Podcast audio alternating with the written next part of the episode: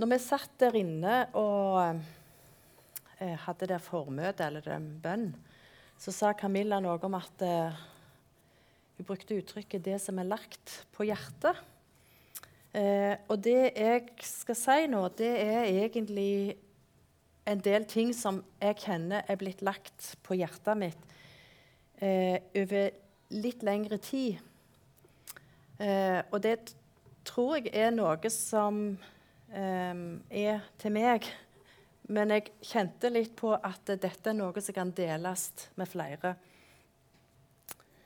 Eh, når jeg jobber med en tale, så, tenk, så har jeg et sånt hode der det er altfor mange ord, altfor mange tanker til å passe inn i de få ordene som jeg skal ha ned på til å si i en tale. Så dette blir et utvalg. Det er det jeg har valgt av alle de tingene som har rørt seg i mitt indre, og som, av tanker jeg har hatt underveis.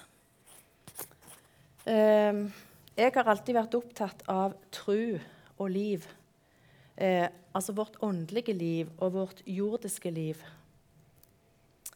Altså hva betyr det jeg leser i Bibelen, for det livet jeg lever? Og hvordan passer den virkeligheten som jeg lever i, inn i det som står i Bibelen? Av og til så tenker jeg at vi gjør det åndelige mer sant enn det jordiske. Og av og til så gjør vi det jordiske mer sant enn det åndelige. Men hvis vi klarer å holde fast på at det, det er sant, både det vi ser og hører, og det er sant, det som vi eh, leser i Bibelen, og det vi kjenner i vårt åndelige liv. Um, skal vi se ja. Jeg må bare finne den der den òg. Sånn. Jeg var nettopp ute hos Johannes Kleppe på, på Gandal og kjøpte et bilde. Og Han viste meg dette bildet her. Eh, og Der står det 'Alt maktig i Han som gjør meg sterk'. Når jeg så det bildet, så var det ikke sånn at jeg klarte å lese det med en gang. Men dere ser at det, alt står med hvite bokstaver bakom. Og så leser dere fra øverste venstre hjørne og så videre, og så er ordene delt inn på en litt sånn rar måte. Så hvis dere leser, så står det 'alt makter jeg med G nær forbi i Han som gjør meg sterk'. Eh, bildet er jo òg veldig sånn svakt i fargene. Jeg tenkte når jeg så bildet, at det er et veldig sånn sterkt budskap i bildet. For like vanskelig som det er å lese, å lese, den teksten i det bildet og se hva det faktisk er, kan det være å leve dette livet og ta til seg ord om at Gud er med oss og gir oss styrke underveis. Johannes Kleppe fikk diagnosen Parkinson før han hadde fylt 40 år. Og Han sa at han sleit veldig med å sette de ordene, eller det bibelverset på trykk. Av og til så opplever vi at det bibelverset blir brukt som en slags proklamasjon. Men jeg tror ikke at bibelteksten nødvendigvis er et uttrykk for overmot og kontroll og seier. Alt. Det er ikke nødvendigvis et uttrykk for det sterke, men like mye et lavmælt uttrykk for tillit og håp i den livsseilasen vi har. I en sang av Henning Kvitnes så synger han følgende jeg synes det, det, det er jo en talende tekst. Du fikk mine verste år. Du ga meg dine beste. Jeg var alltid opptatt av gamle sår. Du hadde tid til det neste. Og det er det mye sant i, for gamle sår tar mye energi. For mange år siden så var jeg på Kvinner i nettverk i Vennesla og hørte på Rachel Hickson og hun fortalte om livet som hadde vært krevende. Og mens jeg satt der, så kikket jeg meg litt rundt på alle disse folka som satt i salen. Og så tenker jeg, hvordan tør du å fortelle om alle disse tingene uten å skamme deg? Og jeg opplevde den gangen at Gud sa til meg, 'Jeg vil inn i alle dine rom, Vigdis.' Jesus ville ta bolig i meg, og i de rommene som jeg hadde stengt av. For det er jo det vi ofte gjør, at vi har et åndsliv, og så har vi et hemmelig liv der de tingene som vi skammer oss over, eller de tingene som er for vonde å ta tak i, fins, lever sitt eget liv for seg sjøl. Jeg tror at det, når vi ikke slipper Gud inn i de, eh, de rommene som vi stenger av, så får de leve sitt eget liv, og de kan gjøre mye skade både for oss og for andre. Og Det er litt rart at vi skammer oss over sårbarhet og sår. Vi kan føle oss feil, altså Man kan føle seg feil, vi kan føle oss skada eller ødelagt. Og det vi gjør da, det er at vi tar på oss masker og ikler oss styrke. For det å snakke sant om livet sånn som det er, kan være krevende. Men jeg syns det er litt fint å tenke på at det går faktisk an å være både sårbare og sterke. Og jeg synes Jens Petter Jørgensen sier det veldig fint i ei bok han har skrevet for mange år siden, som nettopp har kommet ut igjen. 'Sterk nok til å være svak'. Eh, skal vi se om jeg har hoppet noe. Nei, skal vi se. Bare vent litt. Der. Eh, Magnus Malm har skrevet ei bok som heter 'De stumme bildene'. Og I den så står det 'Bilder kommuniserer ikke'. Og det er jo helt sant.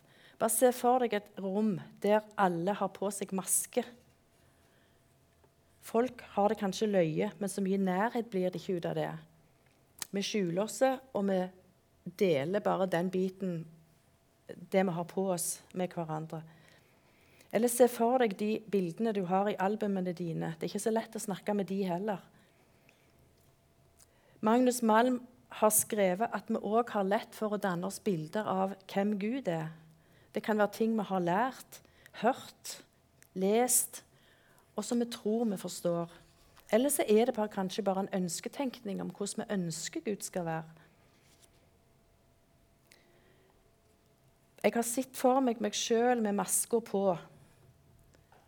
eh, med forestillingen av den jeg ønsker å være. Og så sitter jeg med Gud eh, sånn som jeg liker å framstille at Gud er. Altså At jeg på en måte både har en forestilling om hvem jeg sjøl er, som jeg serverer, og en forestilling om hvem Gud er, som jeg da snakker til. Um, og Den tanken, det bildet, har gjort litt med meg. For jeg gradvis er jeg i ferd med å forstå at Gud vil meg som den jeg er akkurat nå. Når jeg er sliten, når jeg er tomme, når jeg føler meg utilstrekkelig eller blir overveldet.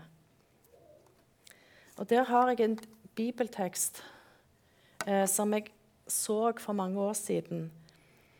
Eh, der står David gikk gråtende opp etter Oljeberget, og alt folket som var med han, hadde også dekka hodet og gikk gråtende oppover. Jeg tenkte Den gangen så fikk jeg det bildet av kongen, en konge eh, som gikk gråtende til Gud. Uten de fine ordene, uten folda hender, uten ord i det hele tatt. Han gikk. Og så er det det rare igjen. Han skamma seg ikke. Han hadde delt smerten med folket, og de ble med han opp på Oljeberget.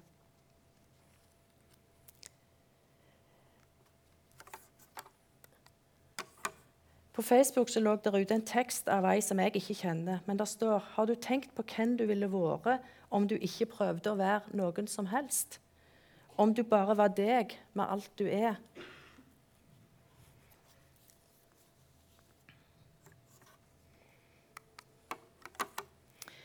Eh, for en liten stund siden så hadde jeg en bursdagsfeiring. og Da pynta jeg med roser eh, på bordene. I, i, eh, ja, dere ser rosene. Og Hver enkelt av disse rosene det er en blomst. Så alle er roser. Alle rosene er blomster, men, og på den måten så er de like. Men de var i ulike høyder, de var i ulike farger og ulike sjatteringer. Akkurat som alle vi er mennesker, men er forskjellige. Vi ser forskjellige ut, vi snakker forskjellig, har ulike grader av sårbarhet, er flinke til forskjellige ting og dårlige på forskjellige ting. Vi kan være ekstroverte eller introverte, impulsive og trenger lang tid på å tenke, eller trenger lang tid på å tenke. Noen av oss liker å stå fram og hevde sine meninger. Andre liker seg best litt mer skjult. Noen har mye å snakke om, andre har mindre.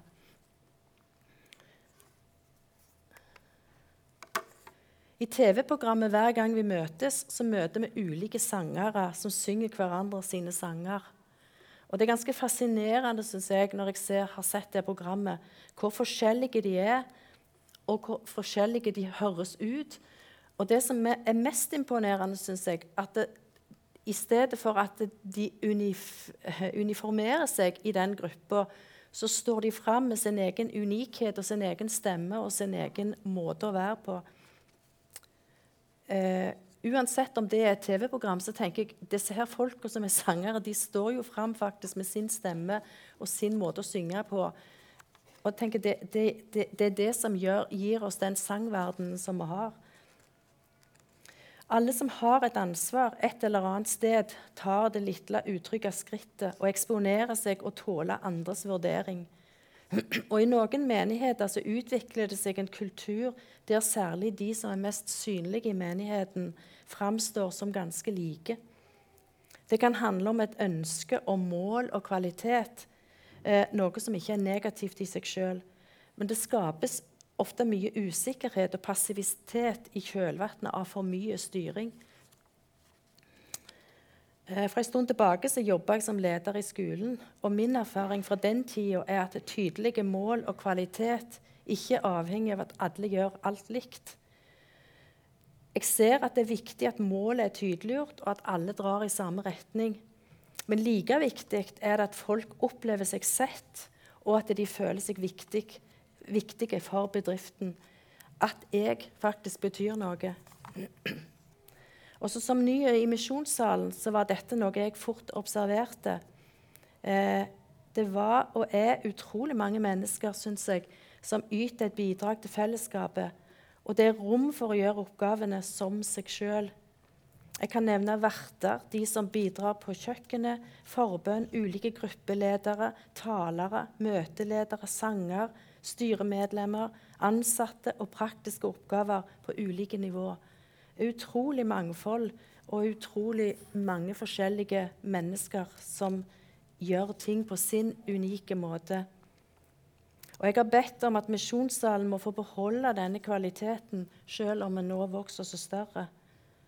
Og jeg tenker at Ledelse og målformuleringer er viktige. Vi må vite hva vi vil, og hvor vi skal. Men den viktigste ressursen en forsamling har, den er alle oss som utgjør forsamlingen. Og skal forsamlingen favne mangfoldet i samfunnet, så må vi klare å favne mangfoldet i forsamlingen.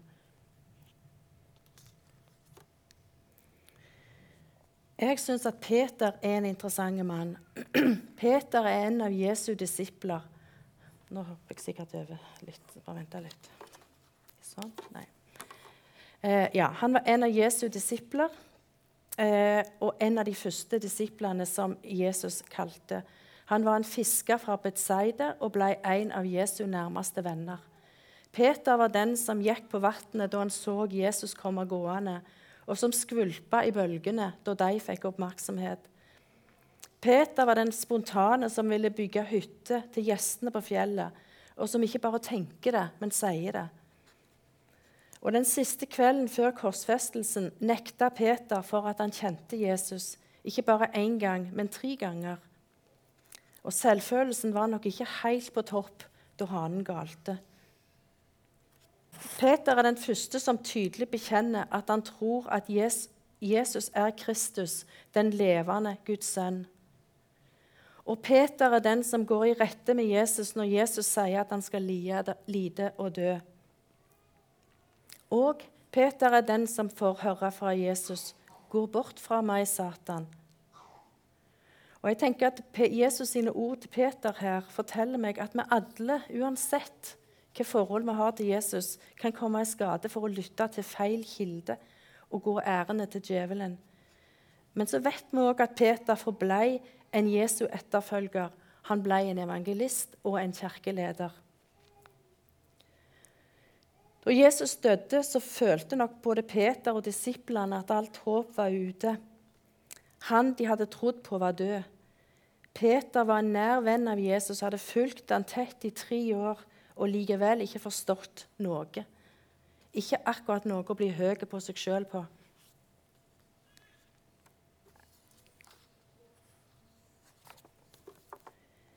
Så fikk Peter høre at Jesus ikke lenger lå i grava og det står i Johannes 12,3.: Peter og den andre disippelen gikk da av sted og kom til graven. De to løp sammen, men den andre disippelen løp i forveien, fortere enn Peter, og kom først til graven. Han bøyde seg ned og så linklærne ligge der, men han gikk ikke inn. Simon Peter kom nå etter, og han gikk inn i graven. Peter er en fascinerende mann. Han svikter Jesus på det groveste. Samtidig så går han straks til gravstedet og rett inn i grava når han hørte at Jesus ikke lenger lå der. Jesus kalte Peter, kalte Peter for klippen som han vil bygge si kirke på, og sier at han skal få himmelrikets nøkler.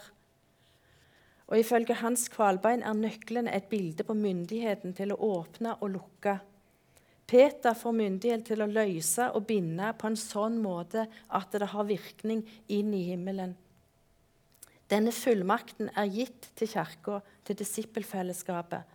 Vi kan tilsi hverandre syndenes forlatelse og åpne himmelriket for alle.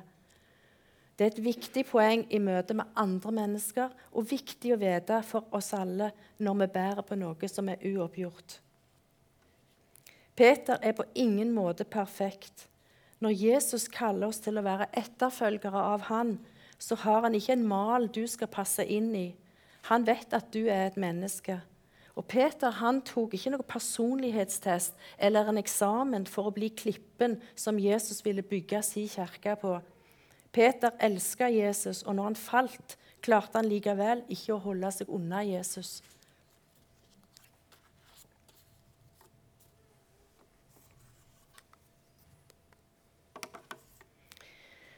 I Edens hage så vendte Adam og Eva seg bort fra Gud og valgte å lytte til djevelen og seg sjøl. I Romerne 1,8 så står det de brydde seg ikke om å kjenne Gud, og derfor overga Gud dem til en sviktende dømmekraft, så de gjør slikt som ikke sømmer seg. De er fulle av all slags urett, umoral, grådighet og ondskap, fulle av misunnelse og mordlyst, strid og falskhet. De farer med sladder og baktalelse hater Gud.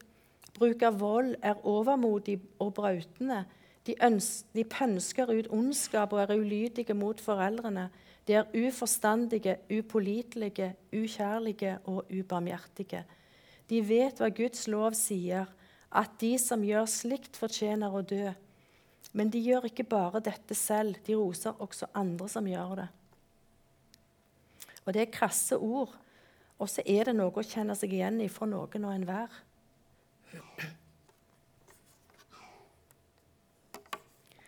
Vi lever i ei tid der mennesket blir opphøyd, og det kan føles godt. Vi blir på en måte vår egen Gud, og vi setter våre behov og ønsker og lyster veldig høyt. Vi gjør i grunnen som Eva, og akkurat som i Edens hage så overlates vi da til oss sjøl vi kan klare oss selv vi, vi, må klare oss sjøl da og ta ansvar for oss sjøl.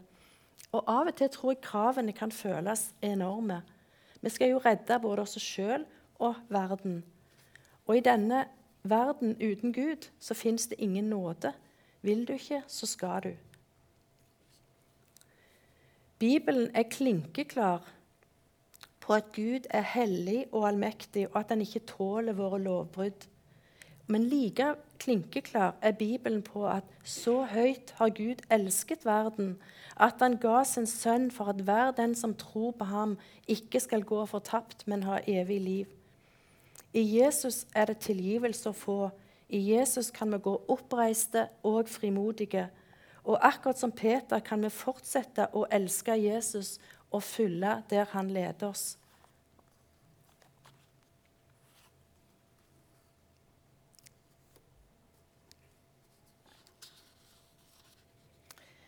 Det er ikke våre gode sider som frelser oss. Det er Jesus. Det er heller ikke våre gode sider som gjør oss i stand til å tjene Gud. Da Jesus sier til Peter at han vil bygge sin kirke på Peter og gi kirka himmelrikets nøkler, så er det ikke en belønning for lang og tro tjeneste. Den store ildprøven sto da Jesus spurte Peter, 'Simon, sønn av Johannes, elsker du meg?' Tre ganger stilte Jesus spørsmålet til Peter. Og jeg er sikker på at Peter mange ganger i løpet av livet sitt tenkte på dette. Peter levde nok et krevende liv, og han døde en krevende død. Overskriften til denne talen er 'Han kaller deg'. Han kaller deg. Når du vender deg bort fra han, når du synder, når du gjør impulsive ting som slår uheldig ut, når du føler deg inkompetent og ikke god nok, når du er syk og kjenner på lite krefter, når du blir gammel, når hverdagen krever mye Uansett hvem du er og hvor du er, så kaller han deg.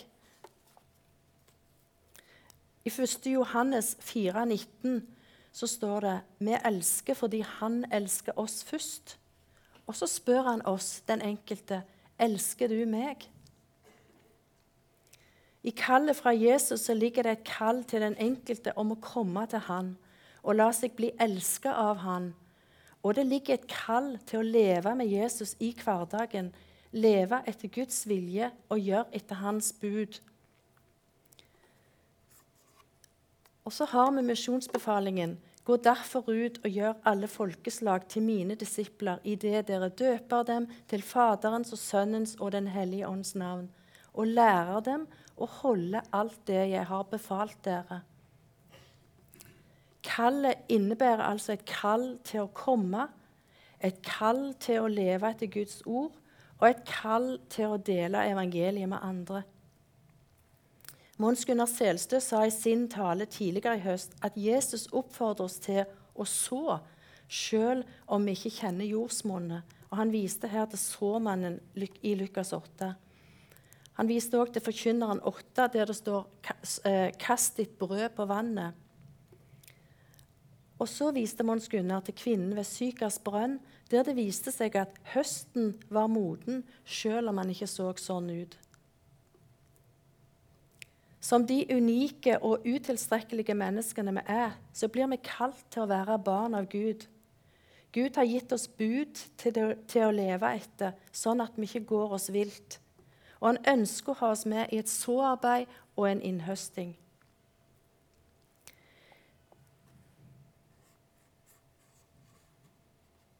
Det er et bibelvers som har fulgt meg gjennom livet.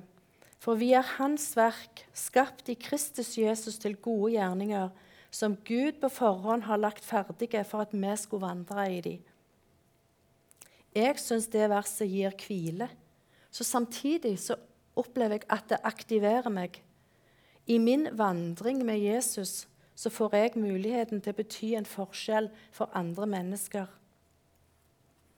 Og så helt til slutt et vers som jeg så i, eh, ble oppmerksom på i min ungdom, som har fulgt meg hele livet. De så opp til ham og strålte av glede, og deres ansikt rødmet aldri av skam. Salme 34, 6.